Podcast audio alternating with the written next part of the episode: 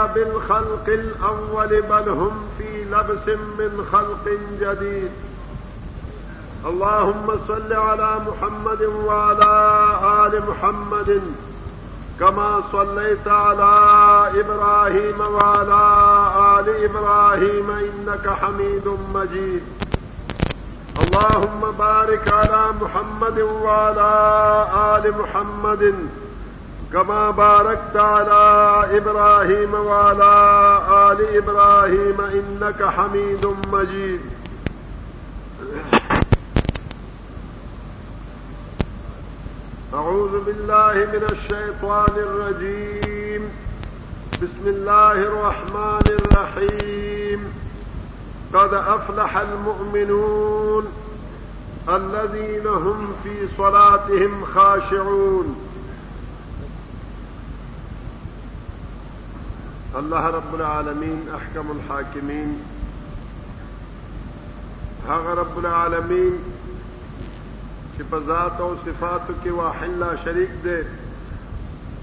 هغه الله چې هغه په اسماء او احکامو کې واحد لا شریک دی انسان څنګه چې د الله رب العالمین په ذات او صفاتو کې بل څوک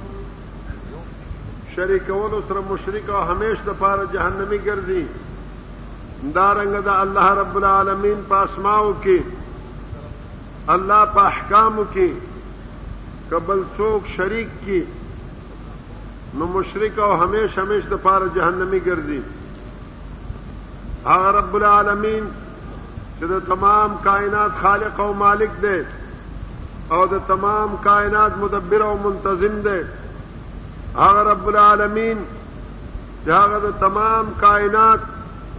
خالق دی او بیا د ټول کائنات اختیارم د هغه پلاس کې دی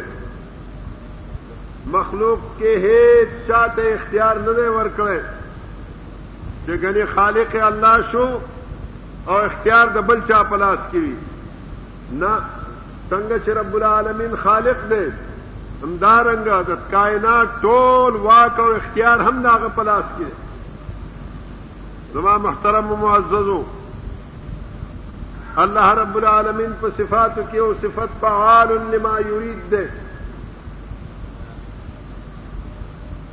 رب العالمین چې څه غواړي کله چې غواړي چا سره چې غواړي څرنګه چې غواړي نو کولی شي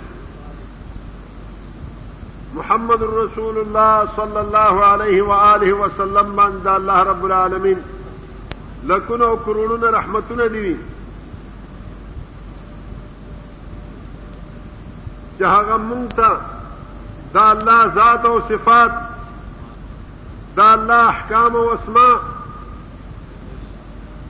خودلی دي او د الله رب العالمین د عبادت طریقه د الله رب العالمین د خوشالولو طریقې د الله رب العالمین د ناراضګي اسباب دا ټول مونږ ته خودلی دي زما محترم معززو دا دنیا خاص کر دا نن سبا دور مادی دور دے هر انسان په مادیاتو باندې خوشحاليږي نو په دې مادي دور کې هر یو انسان خپل کامیابی خپل نجات او د فلاح دپاره مختلف مادې خوښوي چې ګنې زما په دنیا کې کامیابی او نجات آخرت کې کامیابی او نجات یا به په دې مادې سره یا به په دې سره یا به په دې سره بعضو خلکو خیال دا دی چې زما دنیا او د آخرت فلاح او نجات او کامیابی صرف په ملاتړ کې دی چې ډیر ملاتړ مې وي د بعضو دا خیال دی چې دنیا او د آخرت کامیابی او فلاح په تجارت کې دی بعضو دا خیال دی چې د دنیا او د آخرت فلاح او کامیابی په بلډینګونو کې په دوکانونو کې او په موټرو کې په نوکرو چاکرو کې او بعضو دا خیال دی چې دنیا او د آخرت کامیابی دنیا او د آخرت عزت په کرسۍ کې دی چې د کرسۍ مالک شي نو باس دنیا او د آخرت کامیاب شي او ډیر خلک د کم یو عالم یا د کم یو ولی یا د کم نیک سړی تعارف د پاره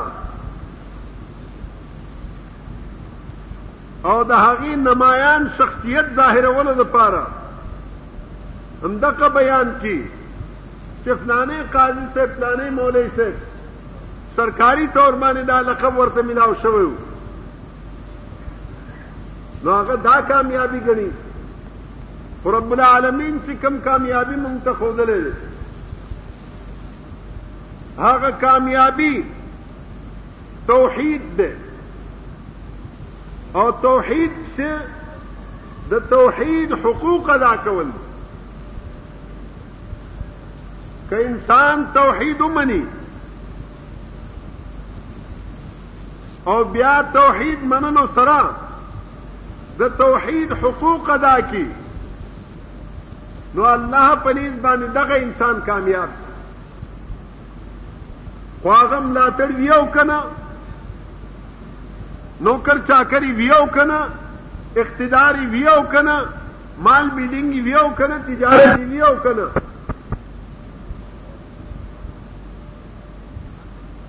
دا الله په نیز باندې د فلاح او د نجات سبب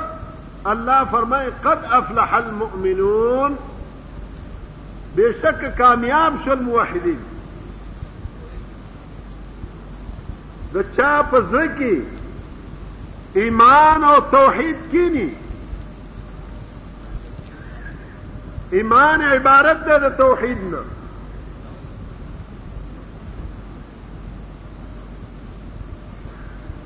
لا اله الا الله محمد رسول الله تر څو چې انسان د دې په مفهوم باندې پوه شوی نه او د دې مفهوم د دې په دل او دماغ کې ناس نه صرف په دې لا اله الا الله باندې مؤمن کېږي نه انسان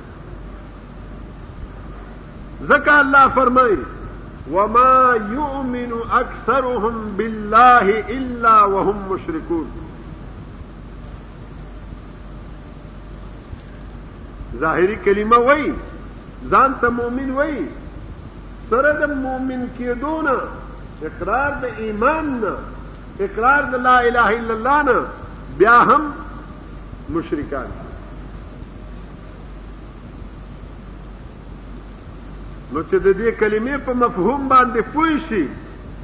او د دې کلمې مفهوم په خپل زړه او دماغ کې کینی او د هغې معتقد شي نو دی مؤمن شو موحد شو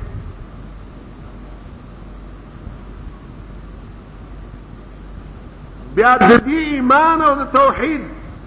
حقوق دي هغه حقوقو کې د ټولو نه اولنی حق الله رب العالمین او محمد رسول الله صلی الله علیه و آله وسلم مونږ ښودلی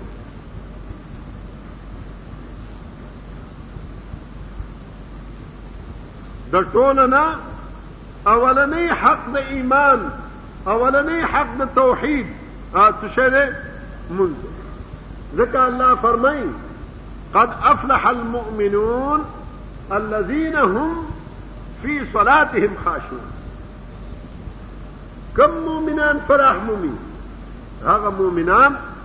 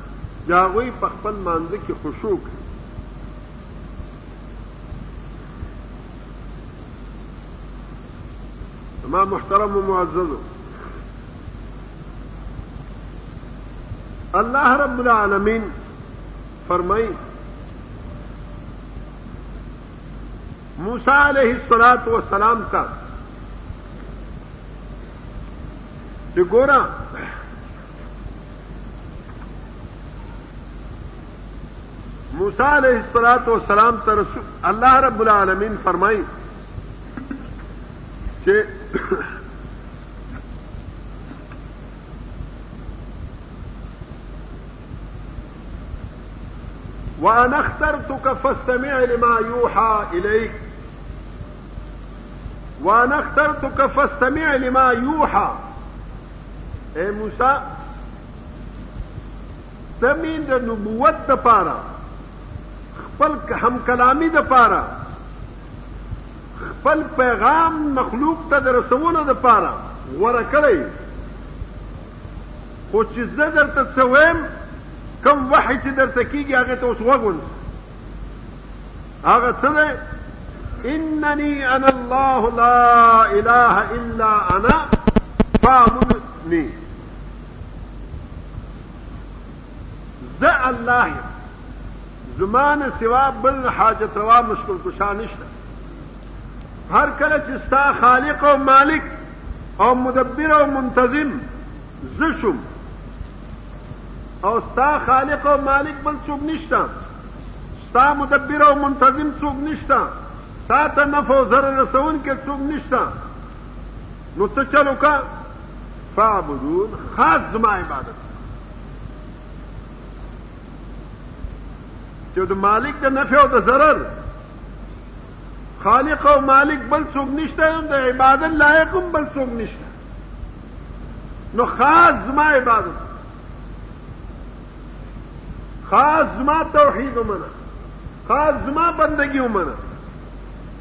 او بل کومه خبره وکړو واقم الصلاه لذکری زما د یاداشت لپاره مون قائم نو ایمان سره الله پاک مون پیوست کړو چې لا اله الا الله سره چې ستا په زړه کې او ستا په دماغ کې دا کلمه کینی د دې معتقد شي نو دا مونږ د دې حق دی دا به ادا کوي رسول الله صلی الله علیه و آله وسلم معاذ ابن جبل رضی الله تعالی عنه یمن تلیږي معاذ ابن جبل رضی الله تعالی عنہ یمن ته لیږي او ورته وای وصیت کوي چې انک تاتی اهل قوم اهل کتاب اے معاذ تب ورزی داسې قوم ته چې هغوی اهل کتاب دي د قرآن نه مخکې هغوی ته کتاب ورکړی شوی دی تورات او انجیل ورته ورکړی شوی دی خو چې هلته ورسیږي ستا اولنی کار به څه اول ما تدعوهم الیه شهادت الله اله الا الله اولنی ستا خبره چې کوم خبرې ته ته دعوت ورکړي هغه به د شهادت د الله اله الا الله وان محمد رسول الله ته به لا اله الا الله محمد رسول الله ته دعوت ورکړي بیا وایي فإن أت... فإنهم أطاعوك که چېرته دې خلکو ستا اطاعت وکړو ستا دا خبره ومنو لا اله الا الله محمد رسول الله در سره ومنو فأخبرهم أن الله قد افترض عليهم خمس صلوات في يوم وليلة دا خبر وله ورکه چې الله رب العالمین په دوی باندې پنځه منځونه شپه ورځ کې فرض کړی نو الله پاک توحید سے د من ذکر کوي محمد رسول الله صلی الله علیه و آله وسلم توحید سے د من ذکر کوي او چې کله یو عامل یو گورنر یو قاصد کم ځای ته لیږي اوله خبره دوه هغه څه توحید او ملک دغه وجه ده چې الله رب العالمین د مون صرف په دی وینا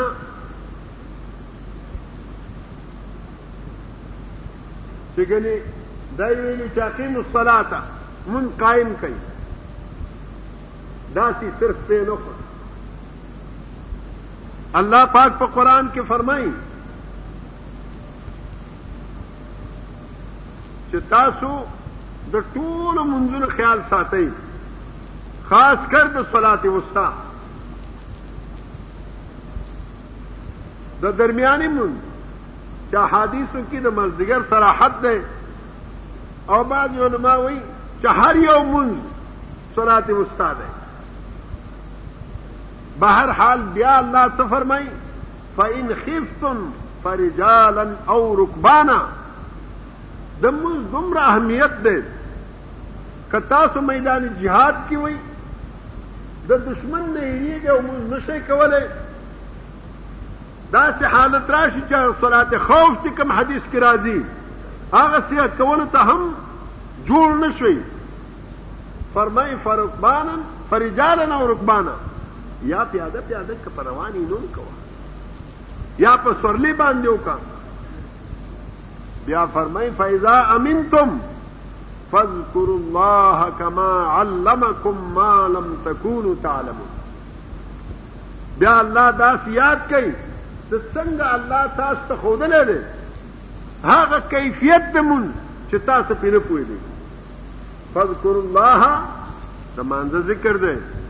فاذا امنتم کله چې په امن کې شوي فذکروا الله یاد کړئ الله پاک مونږ وکړئ د الله حضور ته ودرېږئ کما علمکم ما لم تکونوا تعلمون څنګه چې تاسو ته وښودل ښودلی د هغه کیفیت چې کوم کیفیت د مانځه باندې تاسو نه پوهېدئ چې ټول قرآن ولټئ دا الحمدلله تر والناس پورې د مونږ کیفیت په قرآن کې نشته او الله وایي چې ما ښودلی دی دغه وجه دی چې مونږ اهل حدیث دا وایو چې څنګه قرآن نازل دی الله تعالی د طرف نه همدارنګه حدیث هم د الله تعالی د طرف نه نازل دی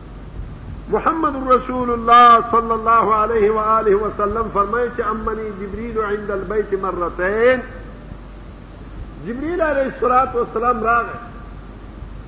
اقیم الصلاة الله راته ویل او جبريل راته راوړی الله تعالی د طرف نه جبريل راغی دوه کرت بیت الله څخه زما امامت وکړو ما ته د منځ کیفیت راته وکړو منځ کیفیت راته وخدلو ټیم راته وخدلو دا اول ټیم دی دا ورستنی ټیم دی او تا د پاره بین هذین الوقتین په دې دوه وختو په منځ کې به ته کوې هغه اول وخت اول ورځ آخر ورځ آخرنی وخت باندې به سلام وګرځولو به ورته ویل ور وخت بین هذین الوقتین تا لپاره مختار وخت د دې دوه وختونو په میز اول ورځ ابتدا د وخت دویم ورځ انتها د وخت نو الله پاک اقیم الصلاة باندې اکتفا ونکړو جبرئیل ولېګلو کیفیت د مونږ یو خود ځکه الله فرمایي چې فاذا امنتم فذكروا الله کما علمکم څنګه چې تاسو ته الله خودلې الله په دې طریقې راتو او بیا رسول الله صلی الله علیه و آله وسلم صرف اقیم الصلاة یا صرف په دې نعمت باندې اکتفا ونکړو یو وار رسول الله صلی الله علیه وسلم صعد المنبر منبر ته وختو منځي د منځ طریقه په منبر باندې وکړه کله چې د سجدې وخت برالو رجع القه نزل القهقرا وسجد في اصل المنبر په شا به ورسته شو او د دغه نه به کوش شو د منبر نه او د منبر په ویخ کې به ته سجده وکړه سجده دواړه سجده به چې ختم شي بیا به پورته شو منبر په سر باندې به ودرې او د مونږ هغه کیفیت او طریقه یې وکړه چې مونږ ختم شو صحابه ته متوجه شو ایها الناس انما صنعت هذا لتأتموا بي ولتعلموا صلاتي په یو روایت کې راځي ولتعلموا صلاتي اے خلکو دا کار ما زکو کړو چې د دین مخکې چرته په منبر باندې مانځه د پاره نه مول ودرېدل دا په منبر کې ودرېدم او تاسو ته مې دا مونځ درکړو دا مې دې دپاره وکړو چې تاسو اقتدا وکړئ زما او پوه شئ تاسو زما په مانځه باندې یا زده کوئ زما مونځ زما اقتدا وکړئ او زما مونځ زده کوئ تاسو اهتمام نه مانځه او بیا صحابه کرامو به هم د مانځه دومره اهتمام کاوه چې بې وخته هسې داسې یو مجلس کې به ناست یو موږ غوندې داسې نه چې د دنیا خبرو کې او ګپو شپ کې به لګیا وو چې صحابه کرام به کېناستل د آخرت خبرې به وي یا به د مونځ خبره یا به د جهاد خبره یا به د زکات خبره یا به د حج خبر یا به د نور داسې دیني امور باندې گفتگو یو ورځ ابو حمید ساعدی رضی الله تعالی عنه فرمای مونږ یو لس کس صحابه ناستو لس نور وو یو پکې زوم د مانزه ذکر کې او چلے ده نو ما ورته وویل چې انا اعلمکم بصلات رسول الله صلی الله علیه وسلم ما پکې دعوه وکړو وای چې تاسو ټول کې لس کس تاسو ناسي یو رسم زیمه په دې لس واړو کې ما ته د رسول الله صلی الله علیه وسلم منخرا دي هغوی ورته تعجبا ورته ویل، دا څنګه ته خو د موږ نه زیات ورسره نه یې پاتې شوی چې تا ته ښه درځي. هغه ورته ویل، ټیک دی که یو ورځ ورسره پاتې شم، که دوه ورځې ورسره پاتې شم، که لږ که ډېر، خو زه دا دعوه کوم چې تاسو ټولو کې ما ته ښه لمونځ راځي. ویل، ښه وکړه راته وښیه. ودرېده او لمونځ یې وکړو چې د الله اکبر نه سلام علیکم ورحمت الله وبرکاته پورې ورسو. نو لسو واړو صحابه وویل چې صدقته رښتیا دي وویل چې تا ته زمونږ ټولو نه ښه موندل د مونږ اهتمام به صحابه دومره ډیر کاو دغه وجه ده چې الله رب العالمین د مانزه په سلسله کې چې یو کافر کافر محارب وي در سره جنگ کوي میدان جهاد کې د هغې د امن د پاره د هغې سره د نه جنګ کولو د پاره هم دوه خبرې ښودل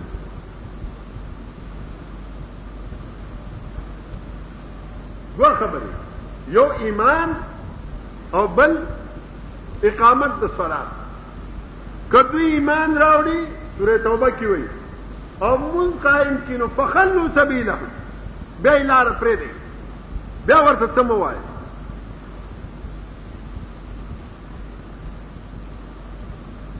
یو وار رسول الله صلی الله علیه و آله وسلم د عمراو په باره کې څه خبرې وکړې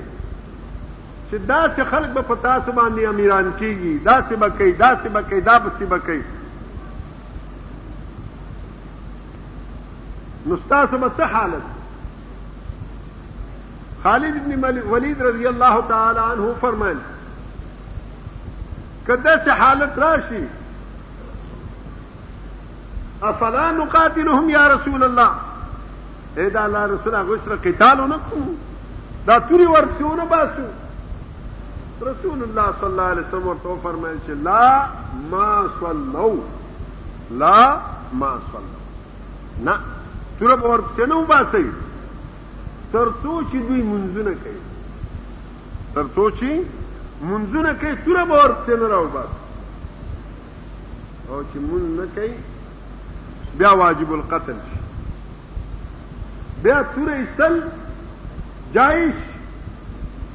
راشه کې ګورې نن سبا حالات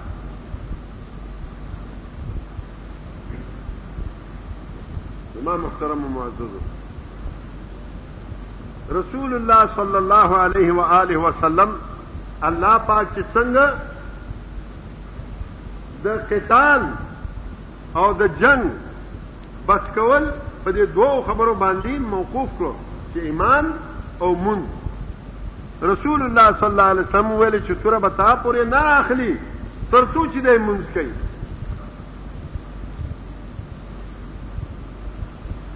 صحابه کرام هم فرمای عبد الله ابن شقیق بجلی رضی الله تعالی عنه فرمای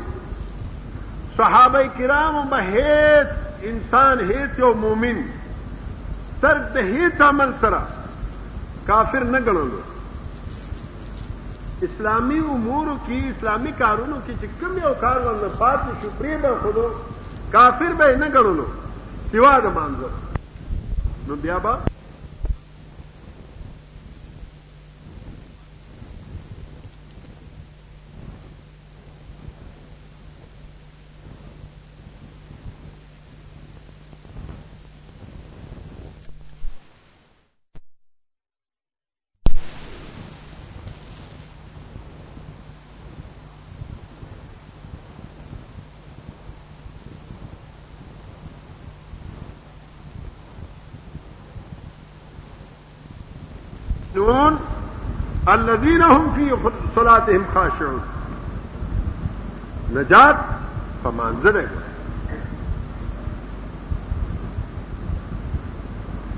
عمر رضی الله تعالی عنه به د مانځ دومره اهتمام کاو چې کم یو گورنر چې کم صوبې ته به یې لېږلو بعضې وخت به داسې شو چې څلور پنځه به یو ځای ولېږه مختلف صوبو ته مجموعي طور باندې به ورته وصیت وکړو ټولو ته به دا وویل چې ان اهم امورکم عندي الصلاه یاد وساتئ ستاسو په معاملاتو کې چې تاسو روانې پلانې صوبې ته تزي پلانې ته تزي پلانې ته تزي پلانې ته تزي ان اهم امورکم عندي الصلاه اهم ترين ستاسو د کارونو نه زما په نسبت باندې څه ده مونږ دی ګوره مونږ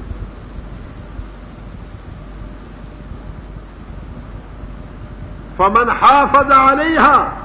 فهو لما سوى ذلك احفظ ومن ضيعها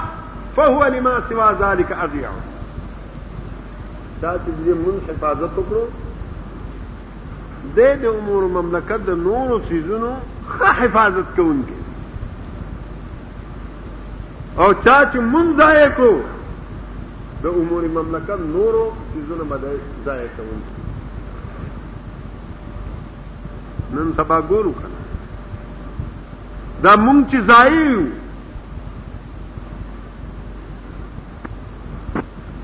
دا خوف او خطر دا بدمنی دا ګرانی دا مصیبت چې هر یو انسان که کلی کې اوسېږي هلته په امن کې نه دی که ښار کې اوسېږي هلته په امن کې نه دی که بنګله کې اوسېږي هلته په امن کې نه دی دا څه وجه ده دقه وجه ده چې مونږ الله ته شاکړی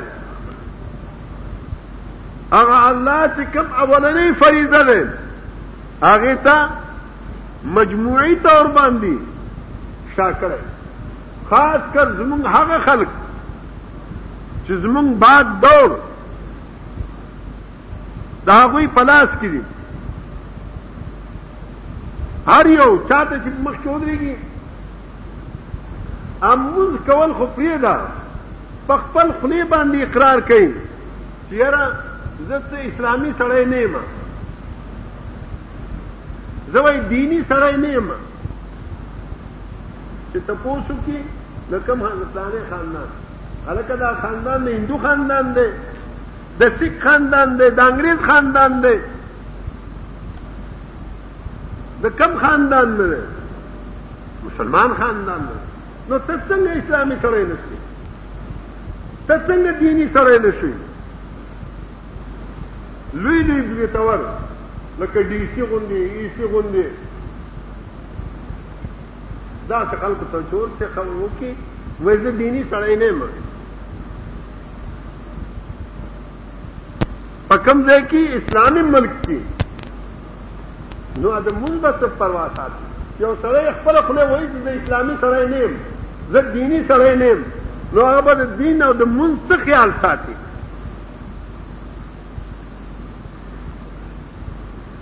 او د قرون اولا مسلمانانو څه چلو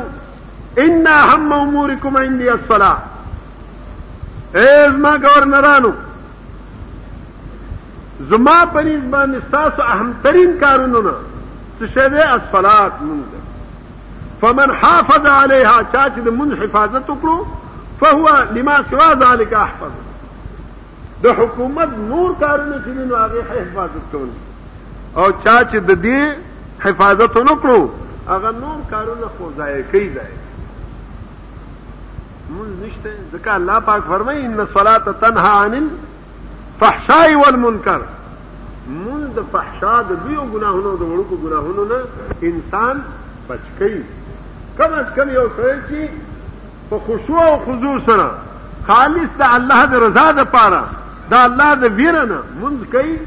نو هغه تخپل شرم ورزي چې لکه ما مونږ کو دا ورانه ولي کو ان الصلاه تنها عن الفحشاء والمنکر او چې د مانزه د روح نه خبر نه مونږ پیژنې نه چې څه شی دی دا مونږ الله ته مخامخ کېدل دا څه شی الله سره دا مناجات څنګه دی نو که شل اورل کې شل رکعات یا چې کم نه نو شل کړه ته دې مونږ کې کوي دي دا غي غمون بیا کارامت نه ده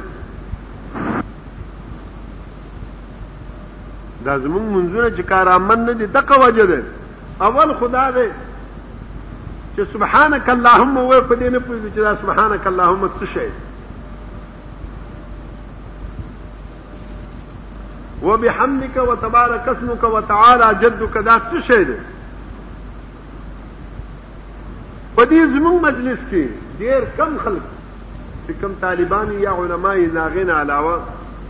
زمونږ عوامو کې ډېر کم خلک به وي چې هغه په دې پوهېږي چې زه الله ته څه وایم سبحانك اللهم وبحمدك وتبارك اسمك وتعالى جدك دا سمي ورته ویل الله او یا اللهم باعد بيني وبين خطاياي دا چې زه وایم نو الله سره زه څه خبرې کوم الله نه څه غواړم یا الحمد لله رب العالمین او الله رب العالمین ورته جواب ورکړي د دې نه مونږ نه یو خبر دغه وجه ده چې زمونږ دا مونږ یو عادتي مونږ دی راشو لاس پورته کو الله اکبر کو نم رکو معلوم ني نم سجده معلوم ني نه هغه څه معلوم وي چې موږ څه ویلو الله تم څه ویلو الله موږ ته څه ویلو دا هیڅ پته نه لګي د دې وجه نه زمونږ دا مونږ تنها عن الفحشاء والمنکر نه ګرځي منظم کو دروغم وي منظم کو چغلیم کو مونږ هم کوو حرامخوري هم کوو مونږ هم کوو بدعات هم کوو هر څه کوو سره د مانځه ولې ځکه چې دا زمونږ مونږ مونږ رسول الله صلی الله علیه و آله وسلم عبد الله ابن عمرو ابن العاص رضی الله تعالی عنه فرمای یو ورځ د مونږ ذکر وشو رسول الله صلی الله علیه وسلم فرمایل چا چې د مونږ حفاظت وکړو نو دا مونږ به د لپاره نور او دلیل او سبب د نجات به وګرځي په ورځ د قیامت د لپاره برړای د آخرت د قبر په تیارې کې به ورته رڼای او د ده د ایمان د پاره حجت به د الله تعالی په حضور کې او برهان به او سبب د نجات به وګرځي ومن لم يحافظ عليها چا چې د مون حفاظت ونکړو د دې لپاره باندې نور وی نه به دلیل وی او نه به نجات وی بلکې د دې انسان حشر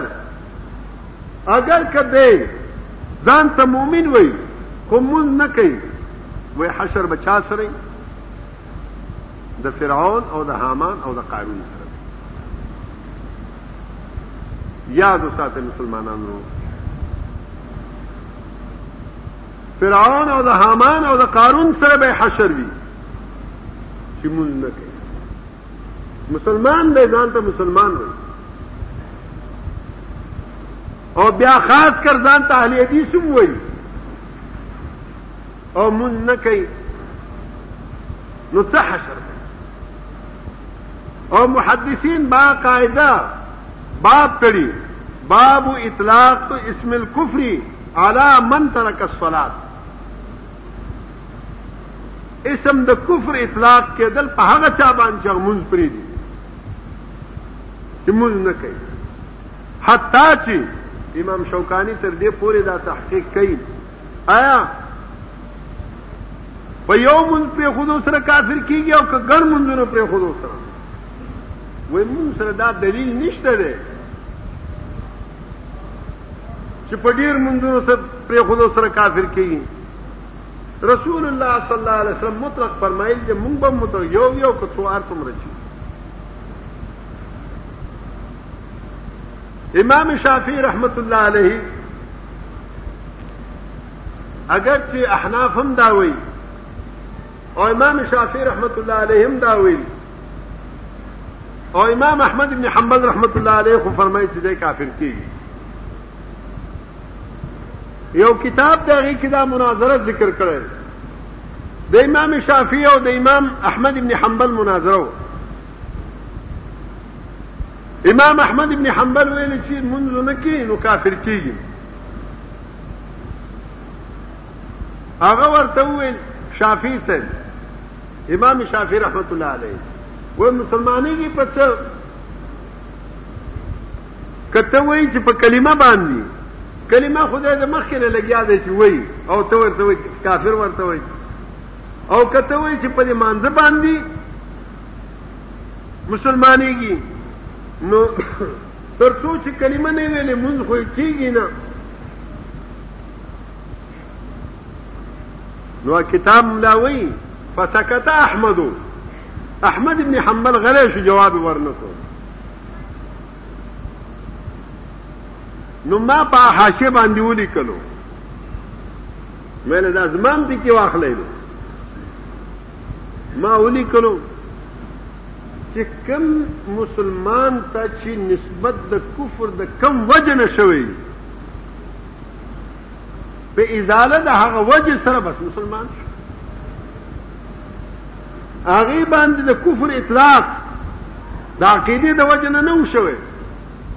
کلمه نه ویلو د وجه نه نو شوه اطلاق د اسم د کفر د ملز په پرې خودو سره شوه نو کوم وجه باندې چې اطلاق د اسم د کفر راغله هغه وجه چې برقرار شي نو اسلام هم برقرار شي که هغه وجه نه وي نو بیا اسلام هم نشته زما محترم معزز زما مقصد دا دی چې زما خامخا د چا کافر کول مقصد نه دی زما مقصد دا دی چې د دین کې د مونږ چې څومره اهمیت دی هغه ستاسو په ذهن کې کېنول مقصد دی چې صحابه او ائمه د مونږ په پرې خودو سره کم کم حکمونه لګولي زه مفتی نیم زه فتوا نه لګوم زه تاسو ته د هغوی خبره نقل کوم چې صحابه او په بل شي په پرې خودو باندې د اسلامی امورو کې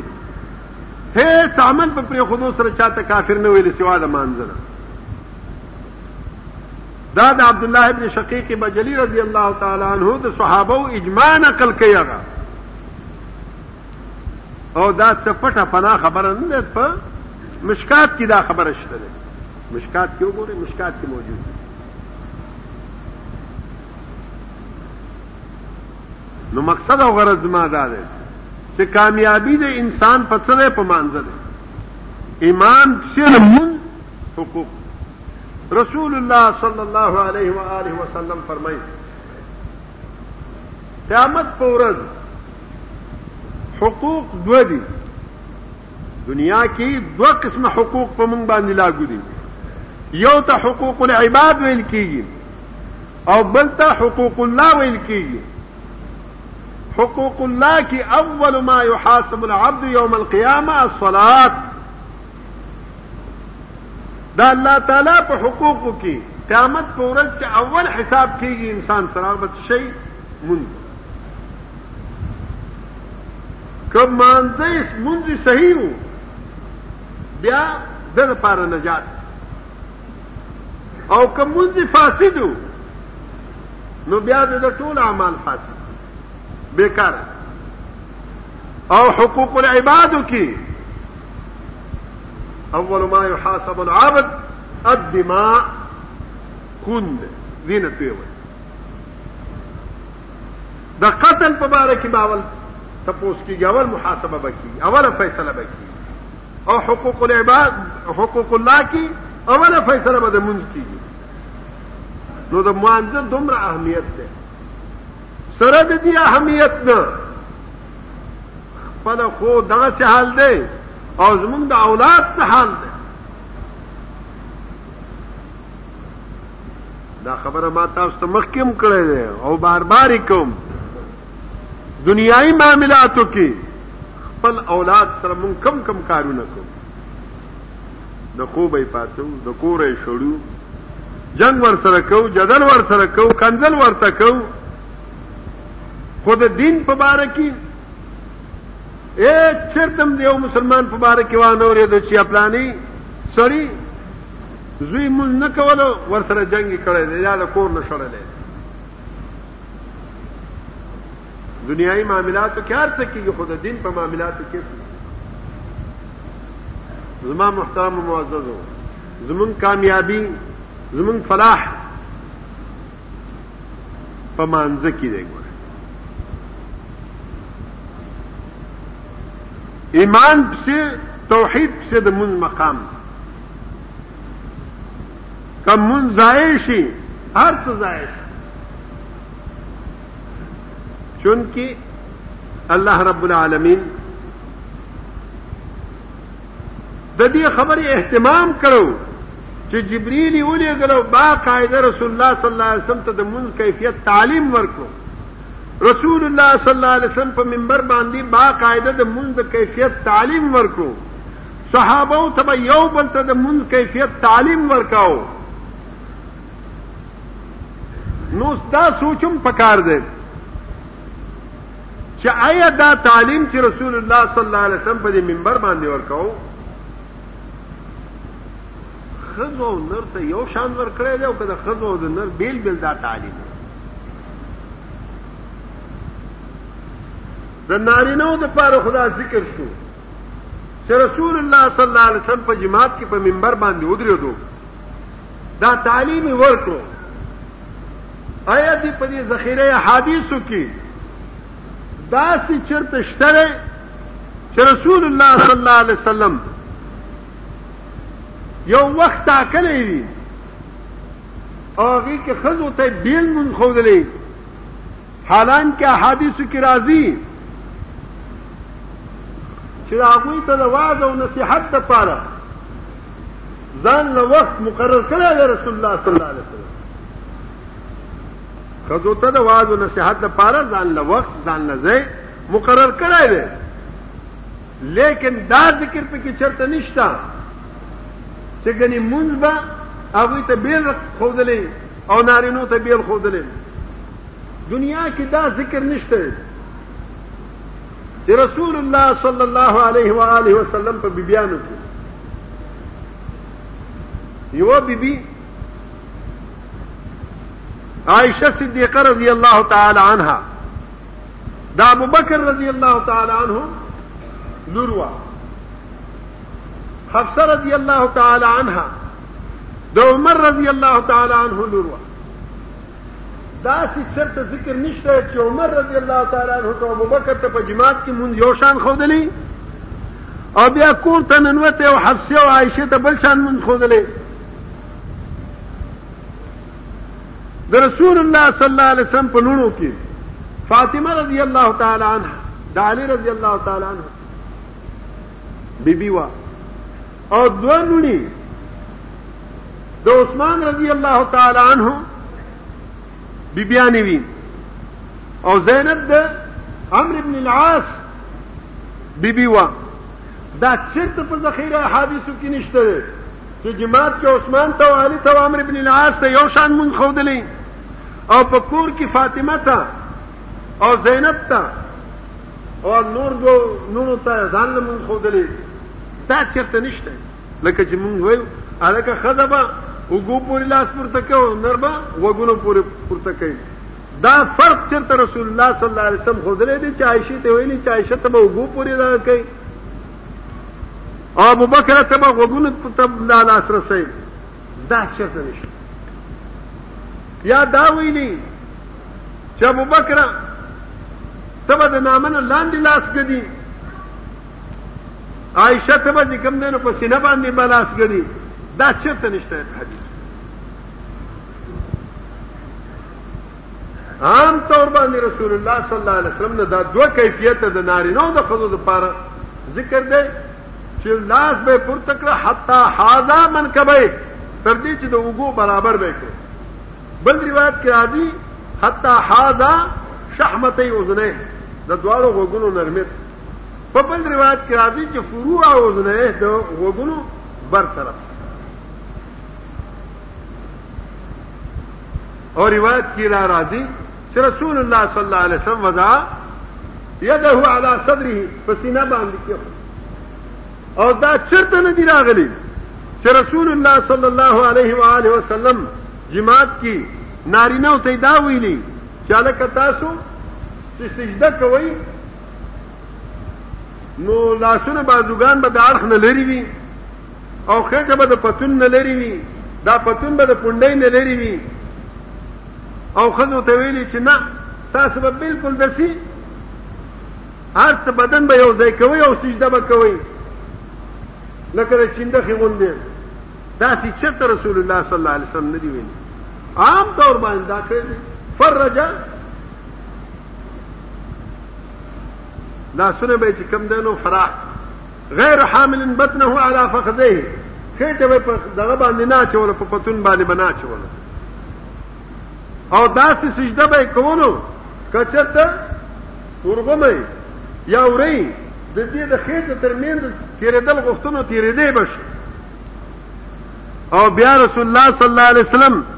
عام ویل دي چې صلو کما رایتمونی اصلي دا سي منځ کوي څنګه چې ما په مانځي نه دا سي نه دی چې خزو ته چې ځان لوي دي تاسو د سي منځ کوي لکه چې ما پلانې وخت کې درته خو درې او نارینو ته ویلي چې دا سي منځ کوي چې ما تاسو په مانځي نه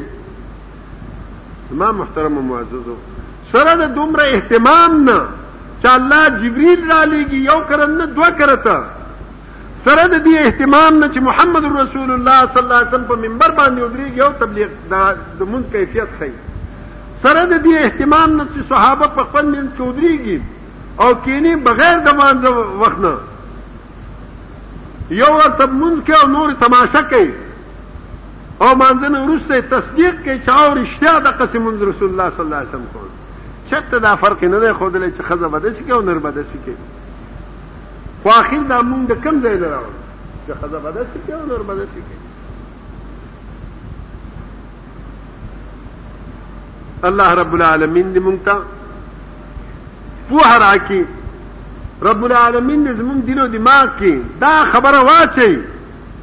چې موږ د رسول الله صلی الله علیه و آله وسلم په هر هر هدایت باندې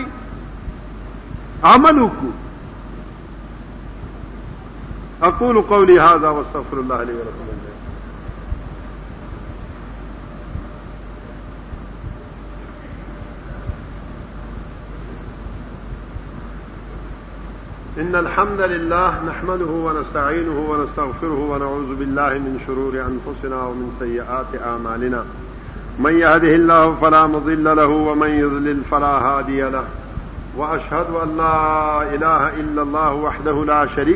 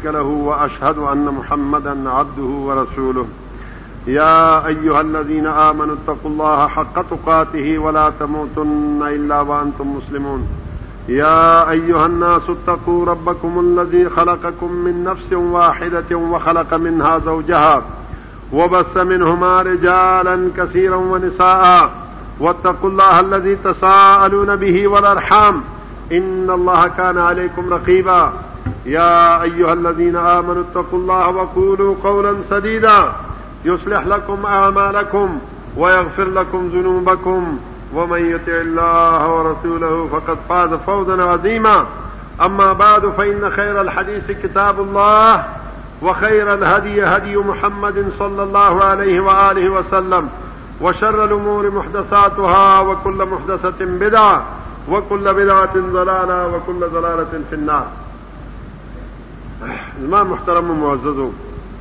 بعض شیونه داسې دي چې رسول الله صلی الله علیه و آله وسلم دا غي تصریح کړی دی چې د نر او د خزي د فرق لپاره هغه دا چې خد اذان نشي ویلې اذان بسړی وي ام ورقه رضی الله تعالی عنها دا وغوښته چې زه خپل کور کې خپل زنانو ته جمع ور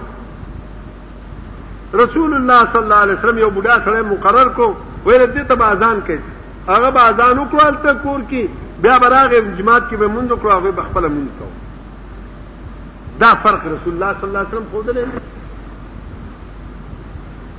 په مانځ کې چې خځه ولاړې سړیم دي ملا خطا شو سهو شو حکم دا دی چې مقتدیانو د پاره هغه به سبحان الله وي اوس نارینه هم د په ظهور کې او ټوک په جوپې په سی وو څوک چې کم دنو مارګې خرڅول او چا چې کم دنو پکې خرڅول هغه نه هم هیر شو او خزو ته یادو څه چل بکې سبحان الله به وي نه رسول الله صلی الله علیه وسلم فرمایي چې التسبیح للرجال والتصفیق للنساء سړی به سبحان الله وایي امام خبرولو لپاره او ښځې به تصفیق کوي د خپل لاس دا شابه دا څوټه یا به پتون وټه پیدا چې کله دا وټه پي نو مولا ته پته ولګي چې څه چل دی ما نه خدای شوی دا له چې مولا په کوی کنه که صرف علم تر کیف فعل ربک زده کړی او مولا شوی ځکه چې د پلار امامتي ده او سیری دی او ملکانه دی هغه راګیرولي نو هغه خو بیا غریب دي څه پوهېږي خدا فرق رسول الله صلی الله علیه وسلم خود دی بل فرق دا ښودلی دی رسول الله صلی الله علیه وسلم چې کله امام وي نر امام نور صفونو نه ځان نه لکه دا مسله چې ماشوم دي داسې وکړي او چې ښځه امامي د صف په مینځ کې به ودرېږي ورته دا یې بل فرق ښودلی دی بل فرق هغه وخت کې دا رسول الله صلی الله علیه وسلم ښودلی و چونکې یو جماعت کې بغیر د څه حایل او د پردې نه هغوی مونږ کاو نو رسول الله صلی الله علیه وسلم ښځو ته دا اعلان وکړو لا ترفعن رؤوسکن تاسو خپل سرونه د سجدې نه تر هغه وخته پورې مه پورته کوئ تر څو چې نارینه پورته کړی نه او ناست نه وي ځکه چې دا احتمال هغه وخت کې خو ډېر کپړې کمې دي غریبي وه یو لنګ کې به کېدای شي چېرته نازک ځای ښکاره شي نو هغوی ویل چې سړی کینی سجدې نه پاسي بیا تاسو سر پورته کوئ او رسول الله صلی الله علیه و آله وسلم دا مو فرمایل چې کله مونږ ختم شي نارینو ته ویل تاسو به تا پورې د ځای نه نه خوځېږئ تر څو چې ښځې وتلي نه دا فرقونه یې ښودلي دي په مانځه کې چې لکه ښځې لاړې شي چې اختلاط نه راځي بې پردګي نه راځي چې مونږ وشي سلام وګرځولی شي چې ښځې لاړې شي پس هغې نه تاسو مخونه واړوئ خپل ځای نه وخوځېږئ